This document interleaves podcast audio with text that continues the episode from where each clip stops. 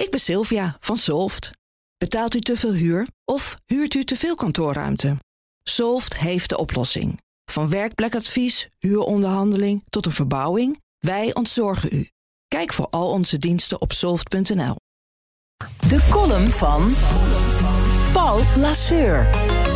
De coronacrisis kent een bijzonder grillig verloop... van de hoogste pieken naar de diepste dalen en weer terug. Economie en samenleving leiden collectief aan een manische depressie. Himmelhoog jouwgend, zu tode betrübt. We zitten met elkaar in een emotionele achtbaan, een uitputtingsslag. Dagkoersen van het RIVM over het aantal besmettingen, ziekenhuisopnames en sterfgevallen...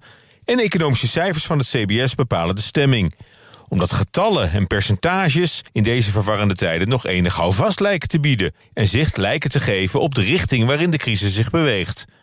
Maar dat is uiterst bedriegelijk. Niemand weet namelijk hoe dit gaat aflopen.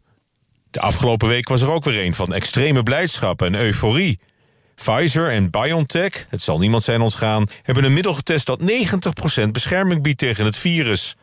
Met die boodschap wisten de farmaconcerns een vaccinrally te ontketen op de aandelenmarkten. Wereldwijd schoten de beurzen omhoog in reactie op deze belangrijke doorbraak.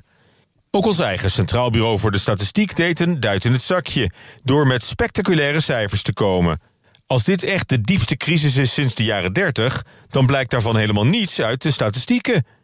Je zou bijvoorbeeld verwachten dat veel bedrijven het niet meer volhouden... en op de fles gaan. Maar gek genoeg zien we het omgekeerde gebeuren. Niet meer ondernemingen gaan bankroet, maar juist steeds minder.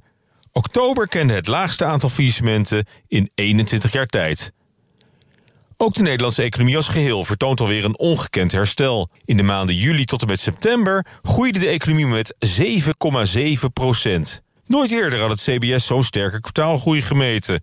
Niet genoeg weliswaar om de krimp in de eerste twee kwartalen in één klap goed te maken... maar heel veel harder groeien had ook niet gekund.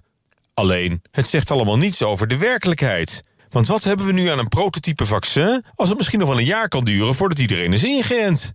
Veel bedrijven zijn doodziek, maar worden kunstmatig overeind gehouden met steun van de overheid. Weinig faillissementen nu betekent alleen maar dat de grote klap nog moet komen. En iemand die net zijn baan kwijt is, schiet maar weinig op met een historisch groeicijfer over het derde kwartaal. Volgens een oud gezegde zijn er drie soorten leugens: leugens, grove leugens en statistieken.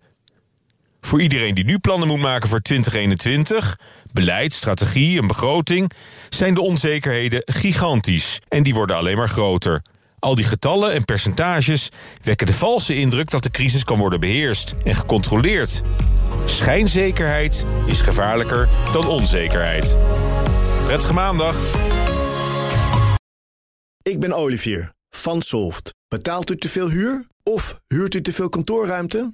Solft heeft de oplossing. Van werkplekadvies, huuronderhandeling tot een verbouwing. Wij ontzorgen u.